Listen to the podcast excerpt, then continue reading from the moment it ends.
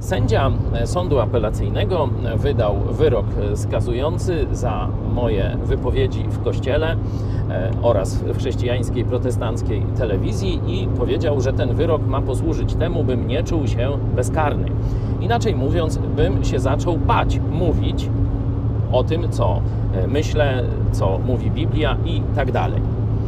Warto się zastanowić, czy to jest dobry postulat, czy sędzia ma prawo e, zastraszać e, człowieka, obywatela, chrześcijanina, pastora e, w dziedzinie tego, jakich on słów dobiera do wyrażenia treści, bo sędzia bardzo jasno powiedział, że treści, które ja mówię, nie podlegają sądowi. Czyli ja nie nawołuję do nienawiści, nie nawołuję do jakichś przestępstw i tak dalej. Czyli wszystko, jeśli chodzi o treść, którą ja przedstawiam, to jest to dobre. Przynajmniej w, w świetle kodeksu karnego nie ma się tam czego przyczepić. To jasno stwierdził sąd apelacyjny.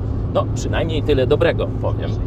Ale powiedział, że moja kultura wypowiedzi sądowi się nie, kultura słowa mu się nie podoba i dlatego przy potwierdza ten wyrok pierwszej instancji, żebym ja się zaczął bać, no i zmienił, nie wiem jak, tę kulturę y, wypowiedzi, bo na przykład nie wolno mi według sędziego używać słowo idiota czy zidiociały, nie wolno używać y, słowa tchórz, mm, a no jak wyrazić, no jak ktoś jest tchórzem, to jak wyrazić to, że on jest tchórzem, nie? Czy co, odważny inaczej mam mówić, czy jak, nie? Taka ma być kultura słowa, kto by takiego bełkotu słuchał.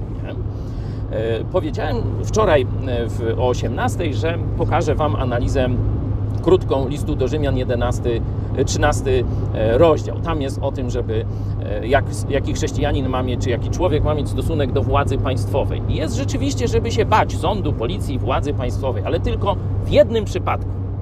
Jeśli jesteś złoczyńcą, jeśli jesteś wolnym człowiekiem, nie wolno ci się bać władzy państwowej.